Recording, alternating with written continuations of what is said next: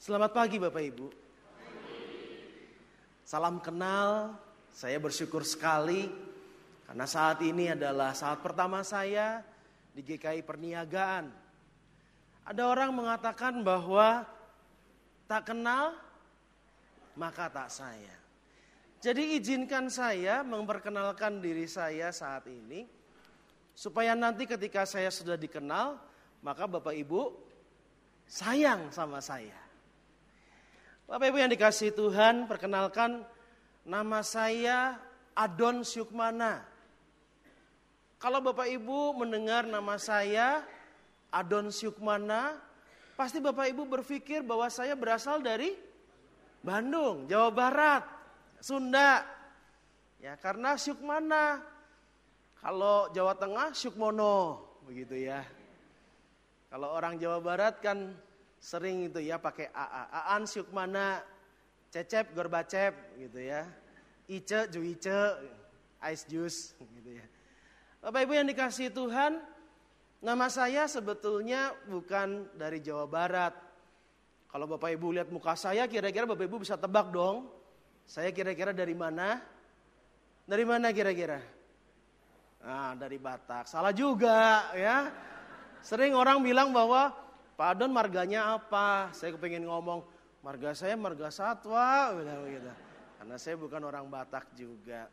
Adon Syukmana itu sebetulnya berasal dari bahasa Ibrani. Yang memberikan nama saya adalah seorang pendeta. Namanya Pak Lazarus Purwanto kalau Bapak Ibu sempat kenal. Dia adalah salah satu orang yang sempat membuat dan membidani tata gereja kita. Beliau dan ayah saya berteman diberilah nama Adon Syukmana. Itu sebetulnya berasal dari kata Adonai Syamar. Adonai itu Tuhan. Syamar itu adalah memelihara. Jadi kalau Bapak Ibu mengerti nama saya, itulah sebab kenapa saya terpelihara dengan luar biasa sama Tuhan ya. Sangat-sangat Tuhan sayang sama saya.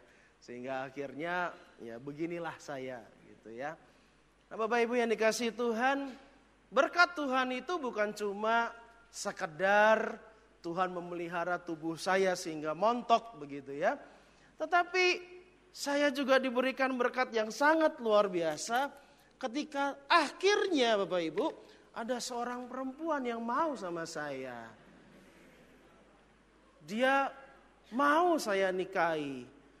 Banyak orang yang mengatakan kelihatannya istrimu itu tidak sadar ketika dinikahi olehmu. Kenapa? Karena istri saya cantik sekali. Saya sangat bangga pada istri saya ketika saya mengatakan bahwa kepada banyak orang bahwa istri saya cantik. Memang benar istri saya cantik. Ya, sehingga sering kali orang ngomong, aduh Don, kamu terima kasih sekali sama Tuhan. Engkau telah diberikan anugerah yang luar biasa sama Tuhan. Dan doakan istrimu supaya kuat menanggung musibah ini. Begitu ya. Itu yang terjadi pada kehidupan saya. Saya sangat diberkati Tuhan dan Bapak Ibu boleh panggil saya dengan kata adon saja enggak apa-apa loh. Enggak perlu pakai kata pak, tidak usah. Karena kata Adonai itu adalah Tuhan dan Adon itu artinya Tuhan. Jadi panggil saja saya Adon gitu, enggak apa-apa. Karena Bapak Ibu sebetulnya sedang memanggil Tuhan begitu. Maka saya akan menjawab, iya hambaku ada apa begitu ya. Nah Bapak Ibu yang dikasih Tuhan saya bersyukur karena kemurahan Tuhan juga. Hmm, kira-kira 13 tahun yang lalu saya berproses di jemaat GKI Gatot Subroto. Saya sudah melayani sebanyak selama 13 tahun dan saya sudah dipendetakan kira-kira sekitar 7 tahunan. Ya, tujuh tahun atau delapan saya lupa. Pak Ma, Pak eh, Pak Marbun, pendeta Bapak Ibu, dia adalah kalau nggak salah adik tingkat saya. Saya sudah lupa sama adik-adik tingkat saya begitu ya. Bersyukur saya menjadi pendeta Bapak Ibu dan sekarang Adon diberikan jubah pendetanya. Keren kan? Agak melorot. Iya. Melorot lagi. Keberatan jubah pendetanya. Melorot lagi. Tadi pagi jam 6 nggak kayak begini ya. Sekarang melorot-melorot dia. Oh iya, pendeta kan juga punya Alkitab ya. Nah, Alkitabnya jadi ganjelannya dia, begitu ya. Nah, ternyata tidak melorot dengan Alkitab Bapak Ibu. Bapak Ibu yang dikasih Tuhan, saya juga adalah seorang pendeta yang sebetulnya suka sekali dengan gadget. Sepertinya banyaklah laki-laki yang suka dengan gadget. Tapi ya saya cuma suka-suka ngeliat brosurnya. Kenapa? Nggak kuat belinya masalahnya. Tapi ya saya bisa dikatakan bahwa orang yang orang mengenal saya biasanya kalau di Purwokerto, Pak Adon tuh kayaknya nggak bisa kalau nggak pakai gadget. Bapak Ibu inilah saya. Inilah saya. Tapi kalau Bapak Ibu melihat saya seperti ini, maka sebetulnya Adon ada di mana? Di mana Adon dia ditutupi dengan gadgetnya, dia ditutupi dengan Alkitabnya, dia berlindung di balik Alkitab itu, dan kemudian dia berlindung lagi di balik jubah pendetanya, dan di balik istrinya yang cantik, anaknya yang cantik. Tapi Adon ada di mana? Adon ditutupi semua dengan hal itu. Ibu kenal saya? Sudah kenal saya? Belum. Bapak sudah mengenal saya? Baru saja. Apakah Bapak Ibu pernah mengenal saya bahwa saya seorang pendeta, tapi di dalam kependetaan saya, saya pernah berdoa pada Tuhan, Tuhan cabut nyawa saya. Bunuh saya. Karena saya sudah tidak kuat lagi menikah dengan istri saya. Apakah Bapak Ibu pernah mengenal saya bahwa saya sebagai seorang pendeta di mana orang lain yang nggak usah punya nggak usah berjabatan pendeta merindukan hadirnya seorang anak. Tapi ketika saya diberikan anak oleh Tuhan, apa yang terjadi? Anak berumur tujuh bulan saya lempar dari tangan saya. Bagaimana pandangan Bapak Ibu sekarang pada saya? Masihkah Bapak Ibu melihat lingkaran malaikat di atas kepala saya? Sekarang ada loh lingkaran malaikat di atas kepala. Bapak Ibu bisa lihat? Masa nggak bisa lihat? Memang hanya orang-orang beriman yang bisa melihat lingkaran malaikat kepala saya. Kalau Bapak Ibu nggak bisa melihat, yang salah bukan saya, Bapak Ibu. Iman Bapak Ibu yang salah karena nggak bisa melihat. Bapak Ibu yang dikasih Tuhan setiap orang punya rahasianya sendiri, bukan? Dan ketika orang mengena, memperkenalkan dirinya, maka yang dia harapkan adalah orang mengenal apa yang saya izinkan untuk orang lain kenal siapa saya. Saya tidak izinkan Bapak Ibu mengenal jerohan-jerohan saya. Saya tidak izinkan Bapak Ibu untuk mengenal dosa-dosa saya. Kebobrokan saya, kegagalan saya sebagai seorang suami, Kegagalan saya sebagai seorang ayah. Saya tidak izinkan Bapak Ibu mengenal itu karena saya malu. Seorang pendeta kok begitu? Pendeta apa kalau kayak begitu? Seorang penatua kok kayak begitu?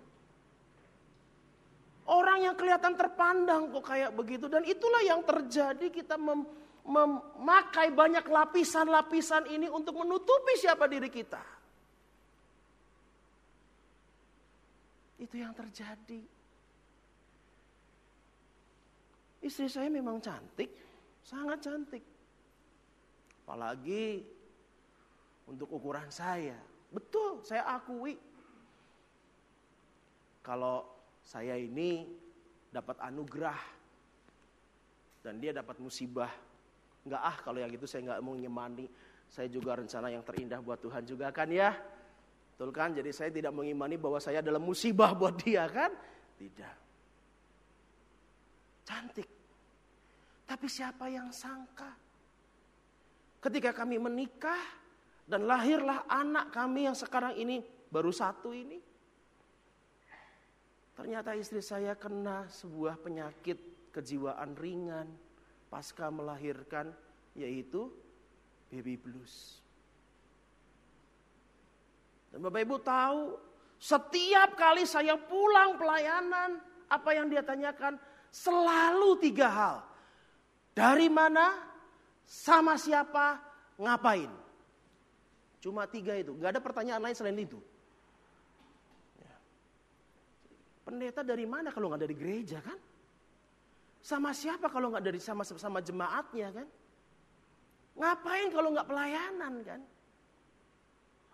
Maka saya selalu menjawabnya juga sama. Dari gereja sama jemaat pelayanan. Mau apa lu? Bahkan sebelum dia tanya saya sudah ngomong dari gereja lagi pelayanan sama jemaat. Hidup saya sungguh-sungguh merasa ada di neraka. Saking tidak kuatnya pada saat itu, di depan pastori ada sebuah tanah kosong. Saya lari di sana. Saya nangis sejadi-jadinya. Saya bilang saya tidak kuat. Saya lari pelayanan ke gereja, rajin ke gereja, berangkat pagi pulang malam. Padahal pastori sama gereja jaraknya cuma 15-10 menit. Saya tidak mau datang ke rumah, saya menghindar. Semua orang tahunya saya pelayanan sangat baik. Gitu dong, kayak pendeta Adon, teladan. Burung gereja juga kalah sama dia. Dari pagi sampai malam, setiap hari. Orang nggak tahu bahwa saya sebetulnya menyembunyikan luka, menyembunyikan kemarahan, menyembunyikan kekecewaan. Sampai akhirnya saya menangis, betul-betul menangis. Mengatakan saya nggak kuat Tuhan, saya tidak kuat. Saya mencoba menutup diri saya rapat-rapat. Saya menyembunyikan siapa saya. Di tengah-tengah saya menangis Bapak Ibu, saya ingat betul tahu-tahu anggota jemaat yang satu komplek dengan saya sedang main sepeda. Dia lihat ada pendetanya duduk di bawah pohon. Dia nggak ngelihat kalau pendetanya nangis. Karena ada pendetanya di bawah pohon dia tertarik mendekati saya. Mungkin pendeta lagi cari wangsit. Siapa tahu saya juga dapat kedapatan wangsitnya. Dia semakin mendekat saya dalam hati Tuhan jauhkan, jauhkan, jauhkan. Dia makin lama makin dekat lagi. Jauhkan, jauhkan, jauhkan. Begitu akhirnya dengan jarak pandang mata yang sudah sangat jelas. Padon kok nangis? Saya cuma diam saja. Lalu dia cepat-cepat berburu sambil ngomong. Pendeta kok nangis? Emangnya kenapa kalau pendeta nggak boleh nangis? Saya marah, saya kecewa. Saya ingin orang lain mengenal saya yang baik-baik saja. Tapi sebetulnya saya jahat. Sebagai suami saya gagal. Sebagai ayah saya kejam. Siapa yang tidak kenal dengan Nikodemus pada zaman Tuhan Yesus? Namanya saja sudah sangar.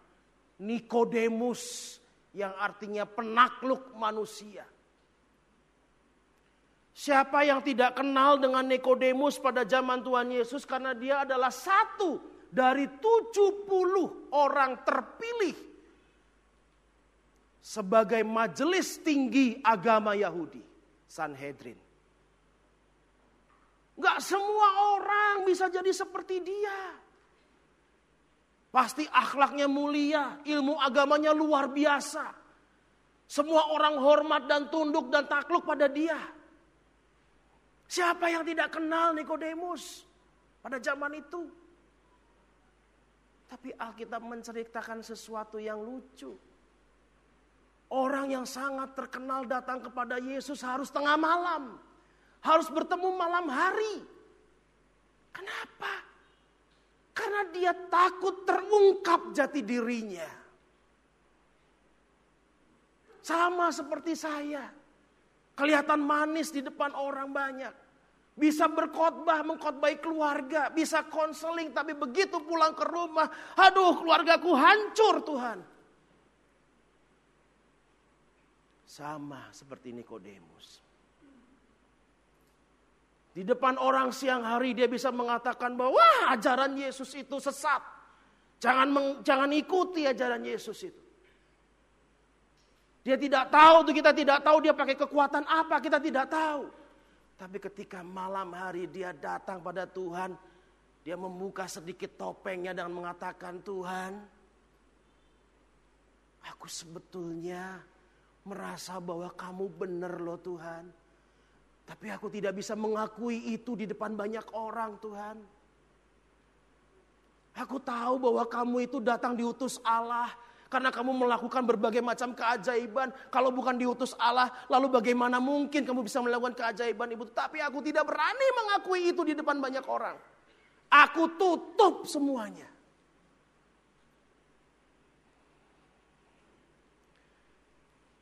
Saya ingat ketika saya jadi Nikodemus. Capek. Lelah. marah sepanjang malam, bersiap pagi hari ketemu di gereja dengan salaman dan mengatakan, bagaimana kabarnya hari ini? Berkat Tuhan menyertai Anda bukan? Pakai topeng sepanjang hari. Saya lelah. Saya capek. Kepingin rasanya di depan anggota jemaat saya mengatakan, saya gagal. Saya bukan pendeta seperti yang kau pikir, yang kau pikirkan, yang kau bayangkan. Bayangkan Bapak Ibu dalam keadaan kayak begitu.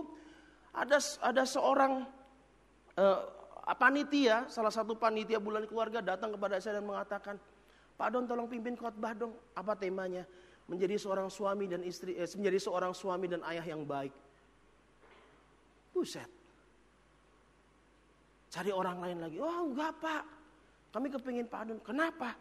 Soalnya kami lihat Pak Adun bisa khotbah seperti ini. Apanya yang bisa lu? Dalam hati saya bilang kamu nggak tahu aja. Nikodemus merasa lelah, capek. Dia menyembunyikan semua kebohongan-kebohongannya. Dia sembunyikan itu semua. Saya mendampingi seorang suami yang selingkuh selama 10 tahun. Dan dalam perselingkuhan itu dia menghasilkan seorang anak yang usianya sama dengan waktu dia berselingkuh.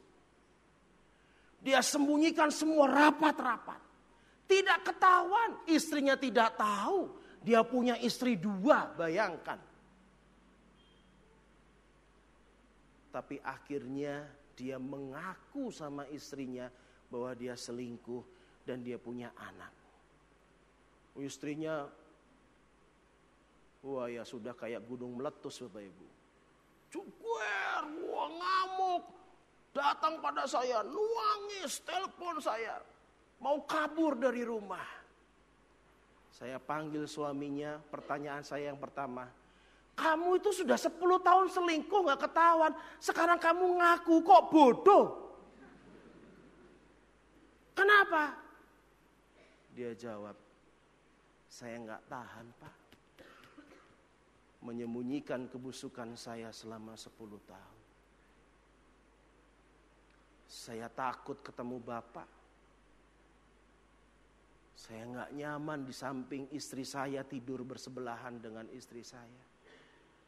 Hati saya terus ada yang menuduh dan mengatakan, kamu penjahat kamu laki-laki brengsek. Kamu tidak layak. Saya nggak kuat. Saya capek. Di tengah kebohongan yang terus dibangun oleh Nikodemus, Tuhan berkata kepada Nikodemus, Nikodemus, kalau kamu nggak lahir kembali, kamu nggak masuk dalam kerajaan Allah. Kalau kamu nggak lahir kembali, kalau kamu tidak seperti jabang bayi yang baru lahir itu, dan tidak ada jabang bayi itu membungkus dirinya dengan pakaian-pakaian indah, tidak. Semua orang lahir dengan telanjang. Telanjang di hadapan Tuhan. Dia mengaku siapa dirinya sejatinya. Ini aku apa adanya aku Tuhan. Kalau kamu tidak menelanjangi dosa-dosamu. Sekalipun kamu adalah majelis anggota majelis Sanhedrin. Satu dari 70 orang terpilih.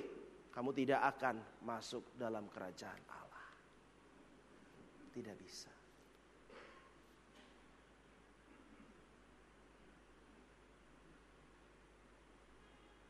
Lahir kembali itu bukan cuma sebuah momentum. Saya lahir kembali tanggal 17 Mei tahun sekian. No. Tapi lahir kembali adalah sebuah keadaan, sebuah sikap hidup, sebuah lifestyle yang saya mau terbuka di hadapan Tuhan. Tidak ada yang saya tutup-tutupi di hadapan Tuhan. Saya mau telanjang di hadapan Tuhan. Saya mau jujur siapa diri saya. Saya mau terbuka di hadapan Tuhan. Tuhan mengatakan kalau kamu tidak lahir dari air dan roh, kamu tidak bisa masuk dalam kerajaan Allah. Bapak Ibu, kenapa harus lahir dari air? Bukankah air itu adalah sebuah simbol di mana kita membersihkan diri? Sebuah kesediaan bahwa mengatakan diri bahwa ya saya kotor, saya mau bersih diri ini. Saya mau mandi. Karena kenapa kamu mandi? Karena saya kotor. Mengaku bahwa saya salah. Sepasang remaja datang ke kantor. Saya tidak kenal anak perempuannya. Saya tidak mengenalnya. Yang saya kenal adalah anak laki-lakinya karena dia adalah anak remaja dan ketika dia pemuda dia pindah ke kota besar Purwokerto kota kecil untuk kuliah. Baru tiga tahun kuliah pulang bawa anak perempuan dan nangis. Sudah tahu dong arahnya mau ke mana. Kan nggak mungkin dia datang dan mengatakan sambil nangis-nangis. Lalu saya tanya, kenapa berantem sama papa mama ya kan gak mungkin gitu. Saya sudah tahu arahnya ke mana. Saya tungguin dia ngomong apa. Kak, maafin saya. Kenapa? Pacarannya kebablasan. Pacarannya kebablasan itu maksudnya kenapa? Kamu belajar, kamu pacaran di tengah jalan sampai bablas begitu bagaimana? Enggak kak, ini pacar saya. Cantik dong. Dia hamil. Loh kenapa? Ya tadi kebablasan. Kamu salah berarti kan?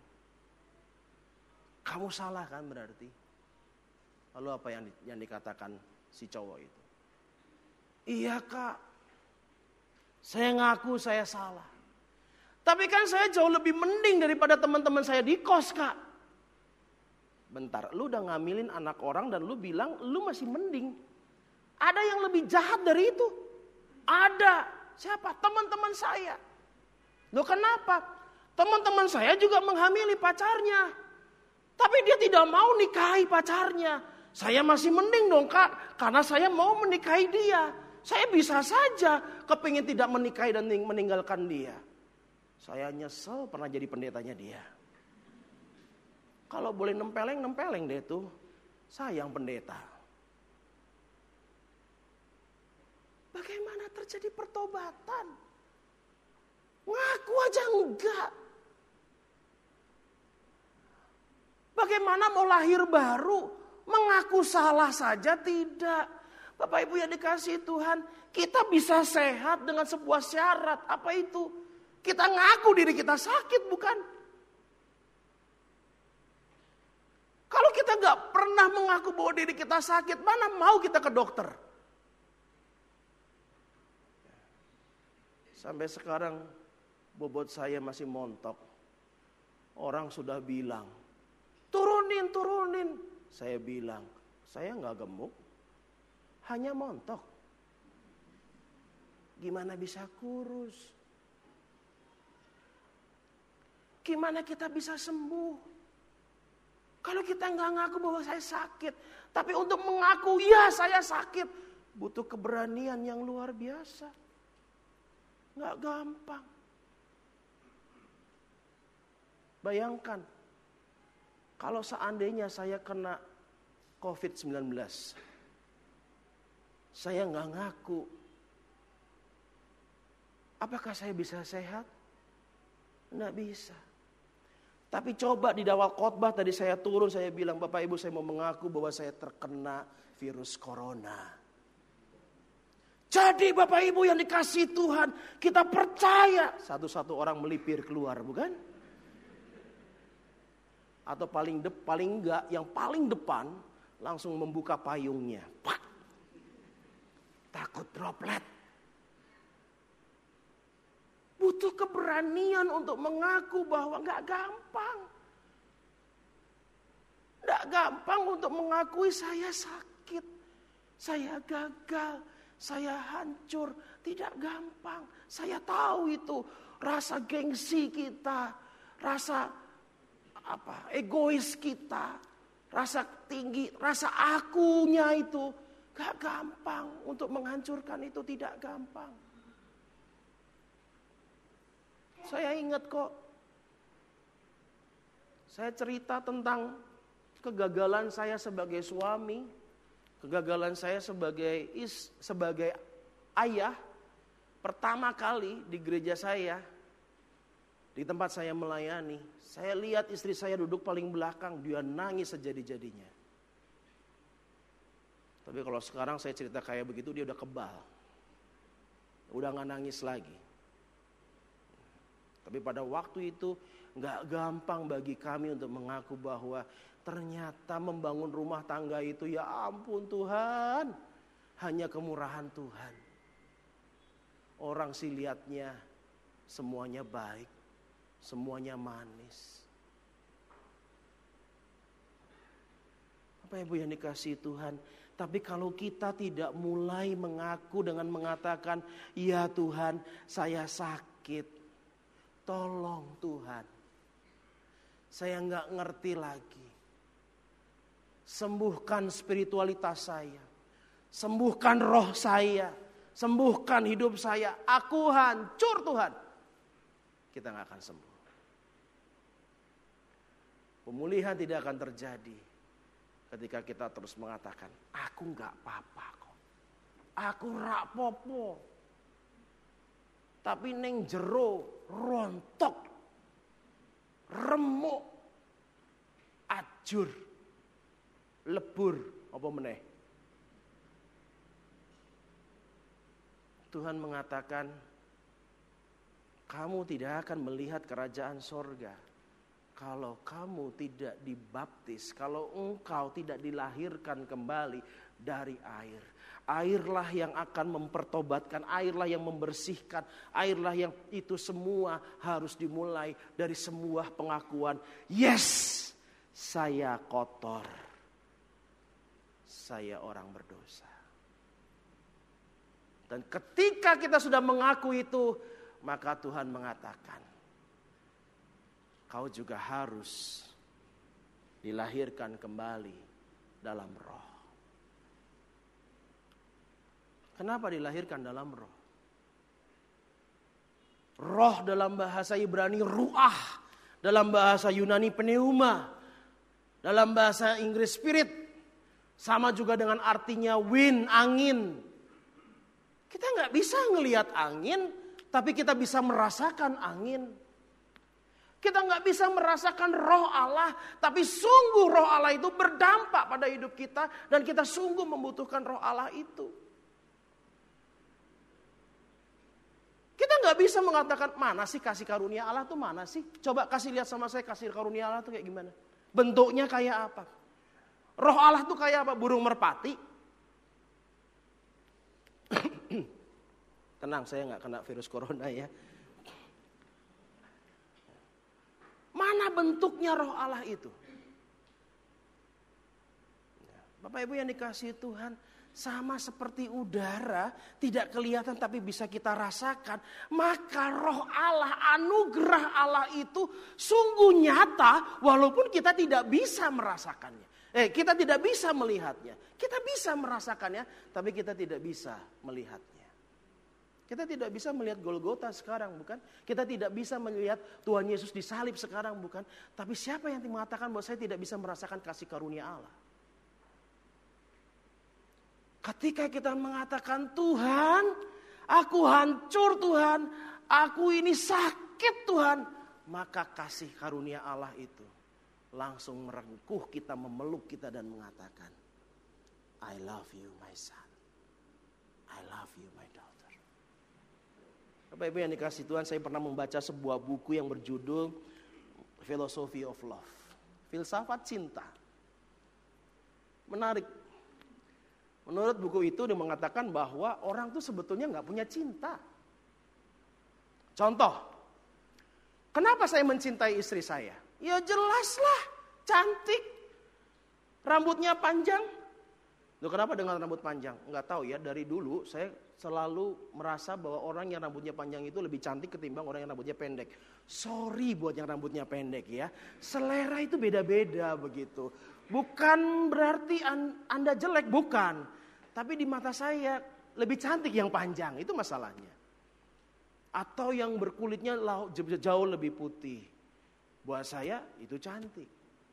Enggak bisa begitu dong Pak definisi. Eh terserah itu kan definisi lu, definisi gue beda.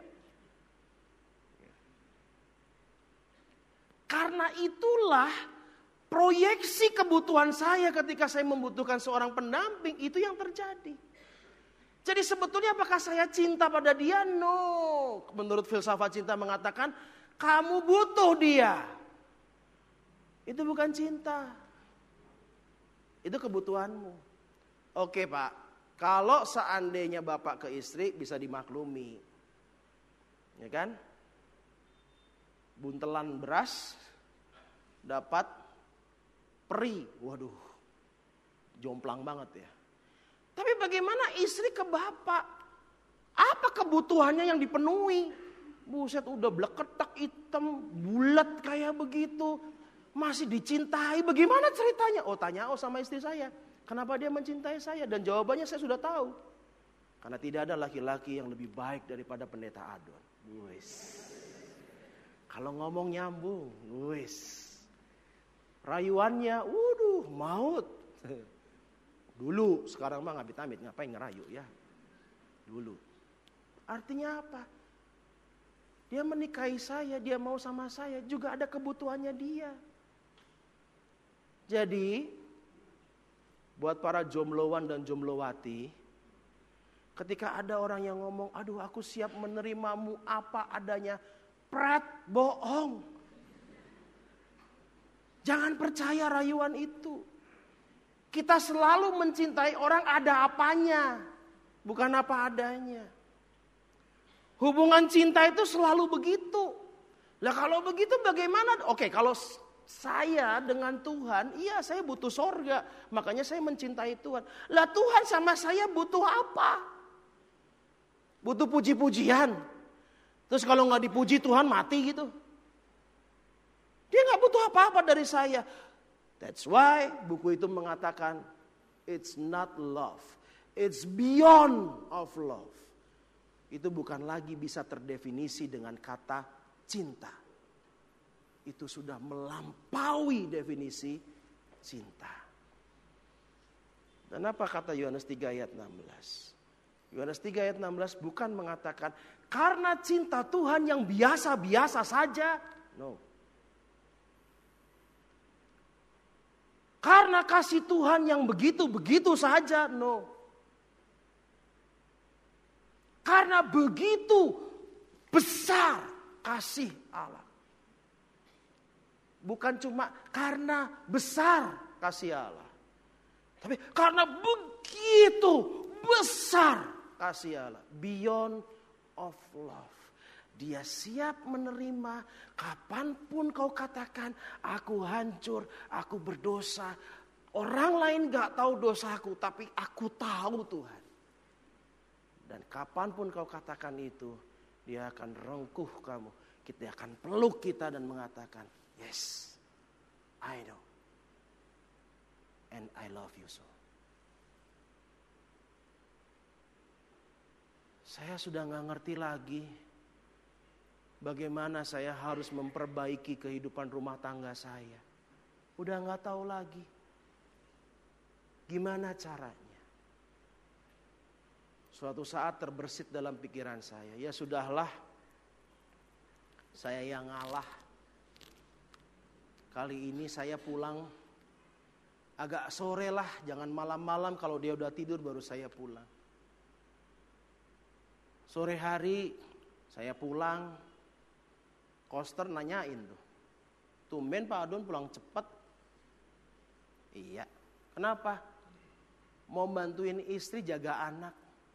Wih, banyak tuh perempuan-perempuan ngiri ketika saya bilang kayak gitu. Enak ya jadi istrinya Pak Adon. Padahal tiap harinya kabur. Datang ke rumah. Ya udahlah, saya ngalah, saya ngalah, sekarang saya ngalah. Sini, mana anaknya? Saya gendong. Tapi kalau pup, kamu lo ya, aku belum bisa. Kalau pup, waduh saya udah berantakan deh gitu, bingung saya. Saya gendong. Sejam enak, saya lihat-lihat, eh lucu juga ya. Mirip mamanya, cuma hidungnya doang mirip saya pesek gitu. Saya liatin, saya senang sekali.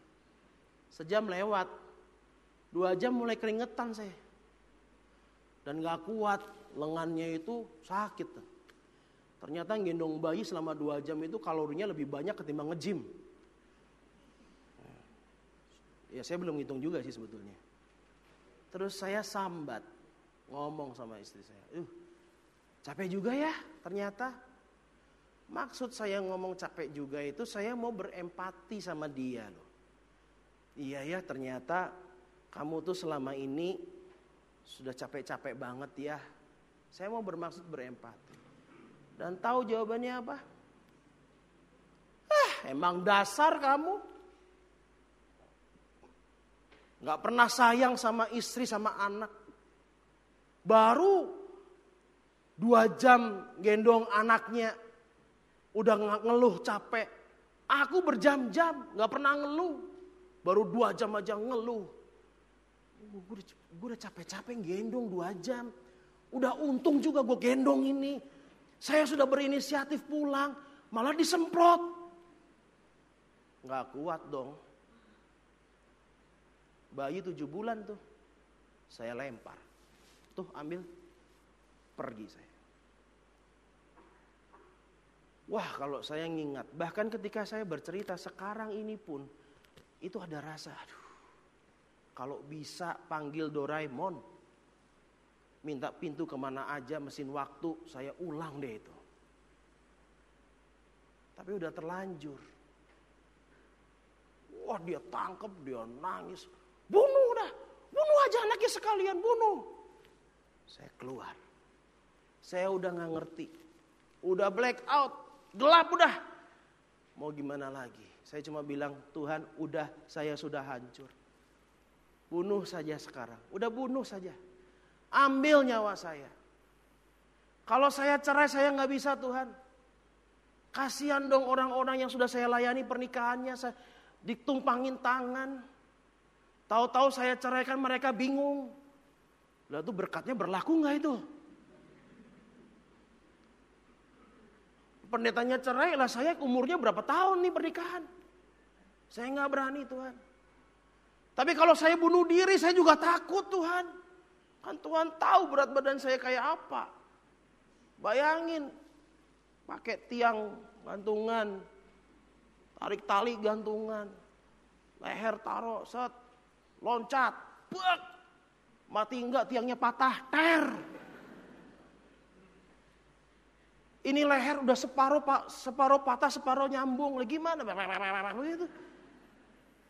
Minum baygon rasa jeruk, iya kalau dosisnya pas des langsung.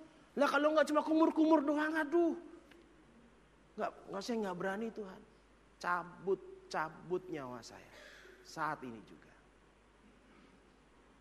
Udah nggak bisa lagi diperbaiki. Udah gelap, udah hancur Tuhan, udah hancur, udah. Udahlah, cantik sih cantik. Tapi kalau kayak begini mati gasik. Eh, tahu gasik ya, cepat. Udah nggak usah. Lalu kasih karunia Allah itulah Yang melampaui segala akal pikiran itulah yang merengkuh saya. Besoknya saya harus jemput pendeta Arlianus Larosa. Bapak Ibu kenalkan ya mantan sekum kita itu. Saya harus jemput dia karena kami akan mengadakan PMK. Saya ketua klasis saat itu. Bayangkan ketua klasis kehidupan rumah tangganya hancur. Klasisnya nggak hancur. Rumah tangganya berantakan. Saya jemput, saya ajak makan. Saya sudah bawa tas, semua laporan PWRJ sudah saya siapkan. Pertama kali yang ditanya sama pendeta Adrianus bukan mana PURJ-nya. Bagaimana keadaan gereja-gereja di klasis? Enggak. Pertama kali baru selesai makan, selesai makan. Yang dia tanyakan cuma satu. Mana istrimu? Kok nggak ikut? Mau jawab apa coba sama orang ini? Saya bingung jawabnya. Tapi bagi saya kebenaran. Mumpung istri nggak ikut, gua jelek-jelekin sekalian. Wah saya marah, saya ngomong, saya curhat semuanya. Semua saya ungkapin semua dasar itu perempuan satu nggak ngerti Pekerjaan pendeta kan berat, pulang dimarahin, ditolong semuanya. Selesai. Saya berharap pendeta Paulianus peluk saya dan tepuk-tepuk pundak saya dan mengatakan yang sabar don, sabar don. Saya harapkan begitu. Yuk kita berdoa ya donya biar Tuhan kuatkan. Saya harapkan begitu. Enggak. Malah digebrak mejanya. Brak saya kaget. Kamu cuma gede badan doang. Tapi cengeng. Batin saya, lu pendeta apaan sih? Gak ngerti apa gue lagi hancur. Pernah belajar pastoral gak sih ini orang? Tapi dia cerita semua dengan pengalaman kehidupannya. Lalu saya merasa bahwa, iya saya salah.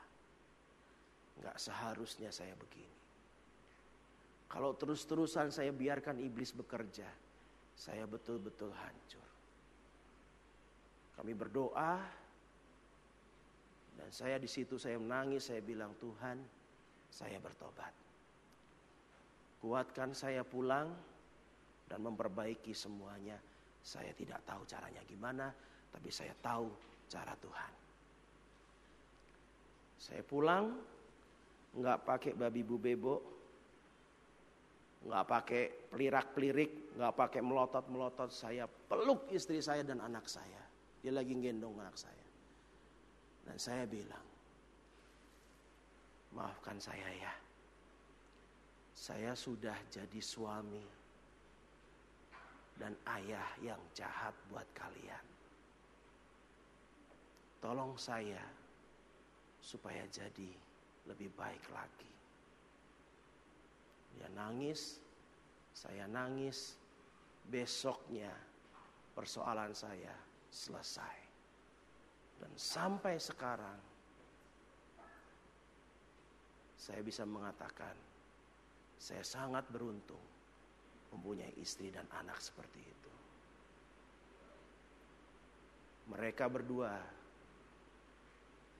adalah yang terbaik yang saya miliki.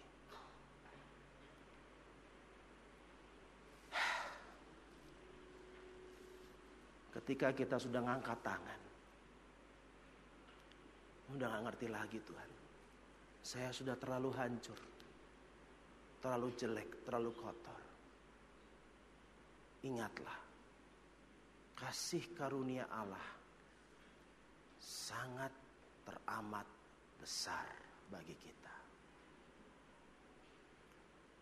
Oleh karena itu Bapak Ibu, yang namanya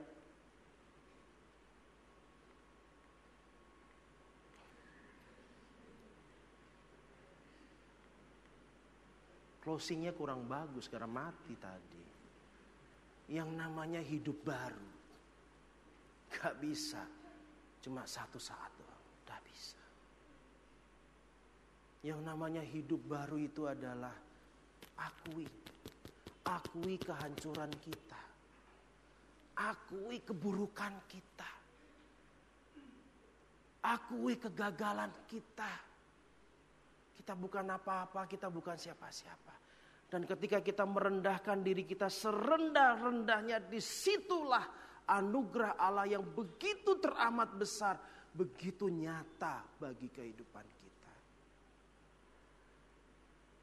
Kita memang bukan orang-orang yang ada di Golgota pada saat itu.